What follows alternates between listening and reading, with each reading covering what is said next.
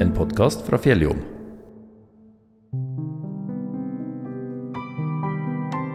I juni ble det klart at Bergstadstipendet for 2023 tildeles Ragnar Kokkvold for hans arbeid og engasjement med å samle og formidle lokalhistorie. Kokkvold har gitt ut bøker med tema fra norsk kvinnehistorie til utvandringshistorie. Siden 2009 har Kokkvold studert lokalhistorie fra Røros, og han har publisert deler av historien som ikke er belyst og publisert tidligere.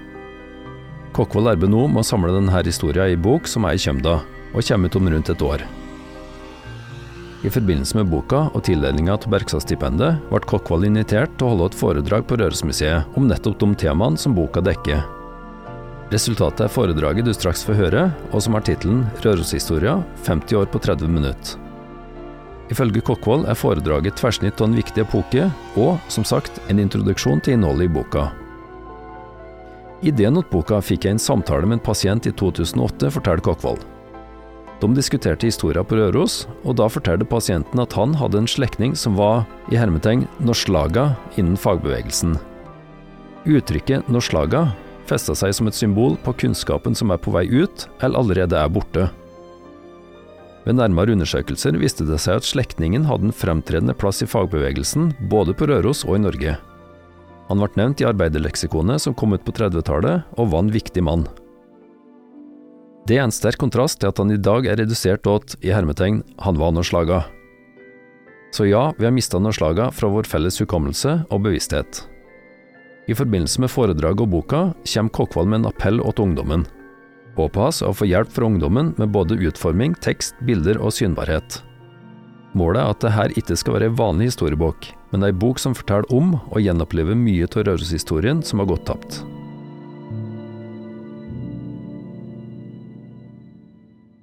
I 1850 lå Rørossamfunnet i startgropa for ei utvikling som i løpet av 50 år skulle føre til store endringer og store forbedringer for folket på Røros. Overskriftene for det som skulle komme, er Ei ny opplysningstid, ei teknologisk og politisk omvelting. La oss først få med oss noen trekk fra forhistoria. Åra rundt 1814 var ei tid med stor armod. Napoleonskriga og uår skapte sult og nød i Norge.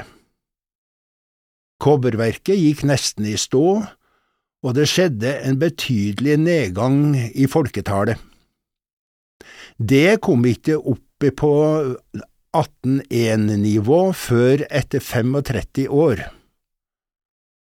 Og langt borte i Indonesia gikk vulkanen Tambora i april 1815 rett til himmels og forårsaka verdens største vulkanutbrudd i historisk tid, og det utløste eh, nærmest apokalyptiske tilstander og førte til kulde, rekordkulde over hele den nordlige halvkule.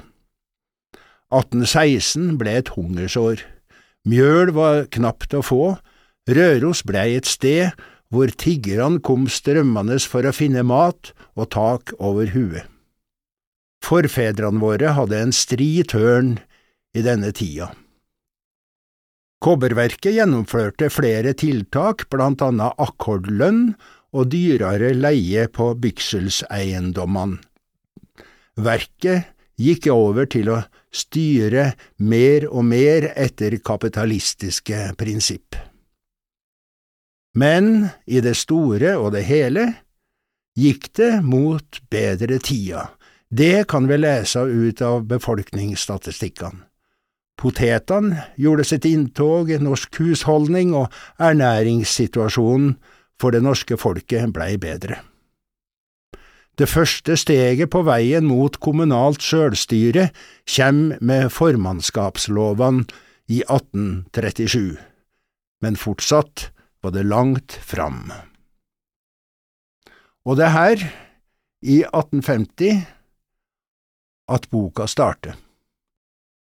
Den har ei rammefortelling som spenner fra 1850 til 1900. eller fra midten av september i 1850 til 27. mai i 1899 for å være helt nøyaktig. Det krever ei forklaring.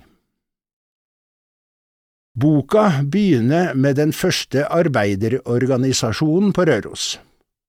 Den het Røros Sogns Arbeiderforening og var en del av tranebevegelsen. Den ble stifta i september 1850. Den fikk 200 medlemmer, mange var arbeidere ved kobberverket. Tranebevegelsen var et arbeideropprør i stort omfang, på det meste hadde den 30 000 medlemmer, over 100 lag og foreninger og ei ukeavis. Den varte bare i et par år. Kongen, regjeringa, embetsmannsstaten slo bevegelser ned med hård hånd, og lederne ble dømt til lange fengselsopphold. En av dem som fikk lang dom, var han som var utsending fra Røros og Nord-Østerdalen. Han het Esten Trøan og var fra dalsbygda. Han ble dømt til tre års tukthus. Etter at han slapp ut, emigrerte han til Amerika, slik som mange andre av bevegelsens ledere, Markus Trane inkludert. Tranebevegelsens nederlag var et hardt slag for arbeidsfolket. Verkets arbeidere mangla innflytelse på lønn og arbeidsforhold, og det hadde de mangla i 250 år, og når de opponerte, fikk bedrifta alltid det siste ordet. De gikk på tap etter tap, blant annet en totalt mislykka streik sommeren 1886. Men så skjer det viktige ting. Arbeiderne organiserer seg i fagforeninga. Det skjer i 1897. Dermed ble arbeidsfolket i stand til å forhandle med kobberverket. Og nå kommer vi fram til en dag som er fullstendig glemt, men som er en historisk milepæl. 27. mai 1899. Det er den dagen et allmannamøte nede på Vonheim stemmer ja til et framforhandla forslag om lønn mellom fagforeningenes representanter og Kobberverkets direksjon. Forhandlingsrett, ja. Det hadde tatt 250 år å få. En svært viktig milepæl for Rørosarbeiderne og for Rørossamfunnet. 50 år seinere konkluderte gruvearbeideren og fagforeningslederen Johan Moen på denne måten. Etter hvert som arbeiderne organiserte seg i sine fagforbund, kom det inn en ny ånd blant folket, en annen kultur. Det begynte å gå opp for den jevne arbeidsmann at han var sin lønn verdt. Det her er rammefortellinga ganske nøyaktig 50 år. Men i løpet av disse 50 åra skjer ei overveldende utvikling i samfunnet vårt. Vi som i dag ser 50 år tilbake, mener at vi har opplevd store forandringer, men det er altså ingenting mot det våre forfedre opplevde i perioden mellom 1850 og 1900. Ikke bare det at arbeidsfolket oppnådde høyere status og respekt, det skjedde også en oppvåkning i folket, vi får en ny opplysningstid. Det gjelder for hele samfunnet, for hele Norge, og i veldig stor grad her hos oss. Det blei lagt vekt på et kunnskapsløft i skoleverket, med ei ny skolelov av 1860 som skulle gi ungene mer relevant kunnskap og kirka mindre innflytelse. Dessuten så blei det også etter hvert slutt med omgangsskolene. Vi får også ei tid med en modernisering av helsevesenet, med sunnhetsloven av 1860. Den legger vekt på bekjempelse av smittsomme sykdommer. Posten blir modernisert, vi får nye enheter for mål og vekt, og vi får en ny pengeenhet. Statistisk sentralbyrå blir stifta i de åra her. Dessuten så spinner telegrafen sitt verdensomspennende nett og internasjonaliserer handelen. Vi får etter hvert også telefon og elektrisitet, og før det, etter en lang kamp, Rørosbanen. Kobberverket moderniserte drifta og hadde stor lykke med å kunne dra nytte av svovelkisens økende verdi på verdensmarkedet. Da Johan Sverdrup rundt 1870 påsto at Røros kobberverk snart ville være konkurs, påviste direktør Friis at det fortsatt var mange års produksjon igjen, både på Kongens og på Storvarts, og historia viste at han hadde rett. Det skjedde så mye at mang en gammel rørosing må ha mista pusten over alle forandringene. Samtidig skjedde det også en nasjonal oppvåkning, og unionsspørsmålet og kampen for det norske flagget blei stadig viktigere, og her siterer jeg fra Fjelljom. Det rene norske flagg dukket en solblank 17. mai morgen opp her på Bergstaden. Det var Leseforeningen Magne som var den forvorpne og med hvilken angst ble ikke dette flagg behandlet av oss medlemmer. Stangen lå skjult ute ved jernbanestasjonens godshus, og flagget førtes ned til togets forsamlingsplass godt innpakket og under bevoktning av tre menn. Først etter at toget hadde satt seg i bevegelse, torde man folde flagget ut og slutte seg til i køen. Og seinere på dagen, på den nederste gård i Øvre Åsen vaiet det første rene norske flagg. Her ble det innviet under en 17. mai-fest som lenge vil minnes. Sildesalaten, som unionsflagget het på folkemunne, var til økende irritasjon. Flere og flere rørosinger heiste det norske flagget på 17. mai, og i 1894 kunne Fjelljom fortelle om han som eide et unionsflagg, men som dagen før 17. mai klippa vekk unionssymbolet og sydde inn et rødt tøystykke i stedet. Det var grepa gjort, skreiv Fjelljom.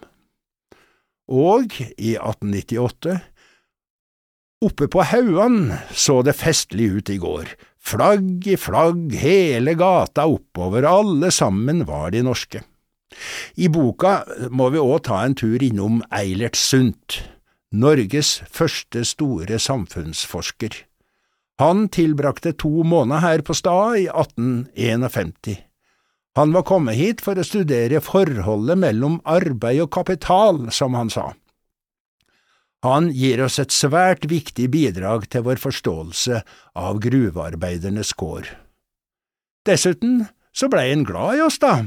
Da han forlot Bergstaden, skrev han at så lenge hadde jeg oppholdt meg på Røros at stedet var blitt meg kjært som et hjem. Boka tar også en svipptur innom de kondisjonerte, både deres økonomi og aktivitetene. Vi skal bli med på det storslåtte storingsballet sammen med forretningsstand og borgerskap, der distriktslege Brostrup Marius Müller spiller en ledende rolle. Vi svinger oss i fremmedartede dansere som polonese og franchese, fandango og wienerkreutz, og utpå natta livner det hele til med galopp, innimellom også med kavalerisjokk, uten at noen så langt har kunnet fortelle meg hva det var for noe. Innimellom stiver mennene seg opp med punch, mens damene blir servert bisp, visstnok en variant av gløgg, med lavere alkoholinnhold.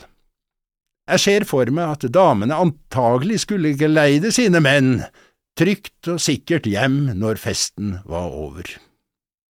Spøk til side, på samme tid, i folkedypet, skjer det en stor forvandling. Vi er nå inne i den nye opplysningstida. Fra 1850 og utover vokste det fram en mengde folkelige organisasjoner i Røros kommune. Foruten leselag, samtalelag og ungdomslag, de bygger lokaler i alle bygda, blir det også stifta kvinneforeninger, forbruksforeninger, misjonsforeninger, avholdsforeninger, skilag og skytterlag. Dessuten ble det stifta i alle fall ei sangforening og en søndagsskole. Det blei starta kreaturforsikringsforeninger, kvegavlsforeninger, fjøskontrollforeninger, smørelag og meierier.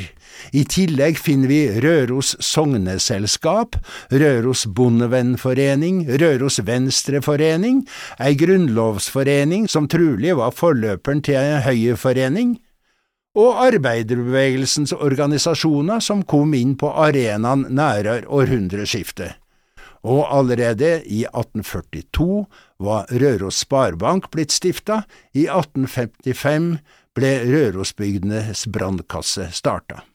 Begge blei viktige institusjoner for kommunens innbyggere.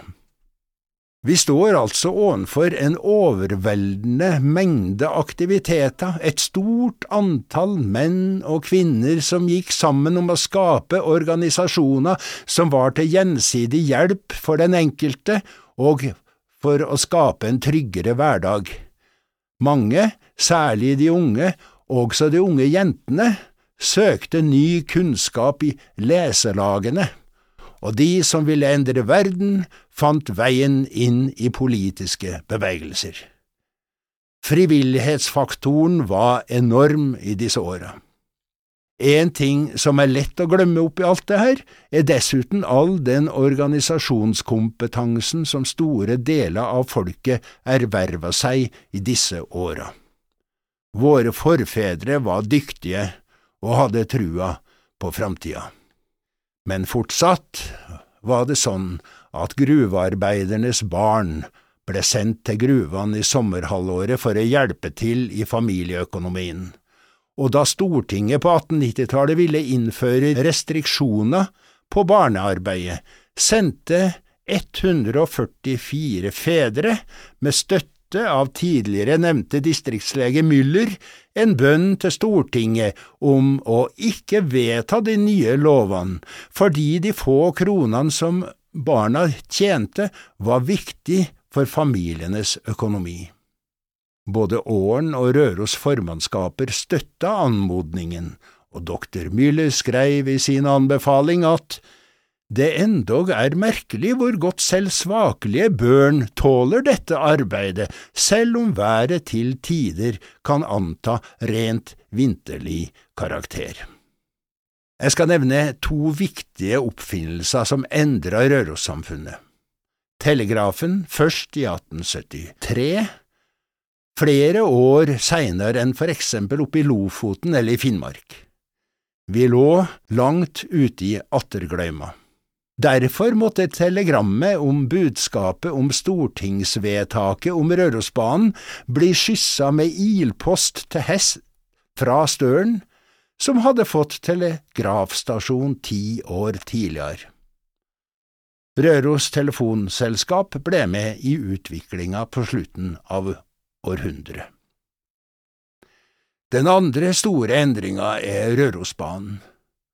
Den endra bevegeligheta i samfunnet og berga sannsynligvis kobberverkets eksistens.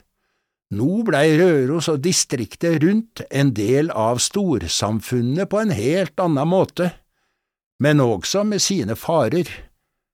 Som vi veit, kom spanskesjuka med toget sørfra sommeren 1918. Og ikke skal vi glemme avisene heller, Fjellposten, Fjelljom, Dovre og litt ut i neste århundre Mauren og Arbeidets Rett. Dem fikk enorm betydning, og særlig vil jeg nevne de første 20 åra av Fjelljom, der pioneren Olav Berg var bladeier og redaktør. Han og avisa hans har fått et eget kapittel. Hans prosjekt var å dra fram i lyset alt muggent og halvråttent, La opplysningens klare lys skinne på det, så utenverdenen kan se styggedommen. Hva da med partiene? Venstre, Høyre, Arbeiderpartiet? I tida fram til århundreskiftet og enda litt til var det partiet Venstre som dominerte i lokalpolitikken. I 1889 stiftes Røros Arbeidersamfunn, opprinnelig med en litt uklar Venstre Arbeiderpartiprofil, men som i 1892 ender med å støtte det norske Arbeiderpartiet, nå med Ole Guldal som leder. Dermed var Arbeiderpartiet i gang.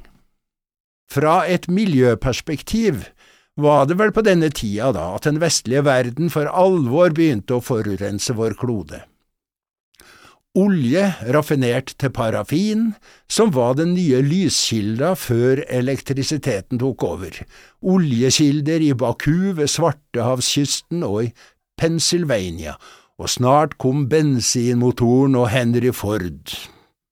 Her hos oss hadde Røros Kobberverk begått miljøkriminalitet i flere hundre år. Jeg var ikke klar over at Røros-samfunnet var vesentlig mer utsatt for sykdom enn andre plasser her i Trøndelag. Det var det Statistisk sentralbyrås historiske helsestatistikker som fortalte meg. Om vintrene var det luftveisinfeksjoner, om somrene var det diaré faranger som var omfattende og ofte også dødelige, kolerine blei det kalt.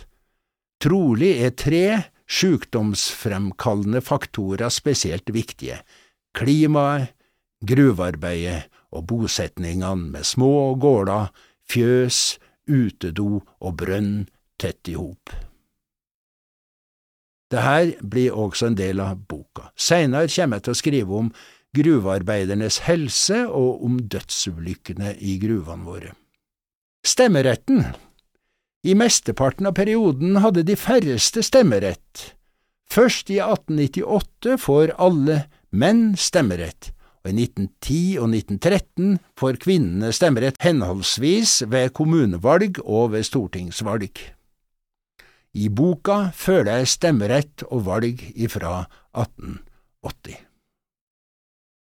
Det her var også ei tid med stor utvandring til Amerika, også her på Røros, men ikke på langt nær så mye som vi har lett for å tru. Andelen emigranter var under landsgjennomsnittet, i motsetning til i Åren og Haltdalen og mange andre steder i Trøndelag. Og hvor ligger årsaken? Sannsynligvis kobberverket.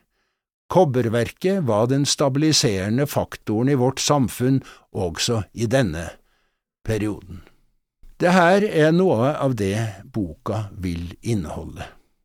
Store temaer som ikke blir berørt, er kvinnene i Rørossamfunnet og den sørsamiske historia.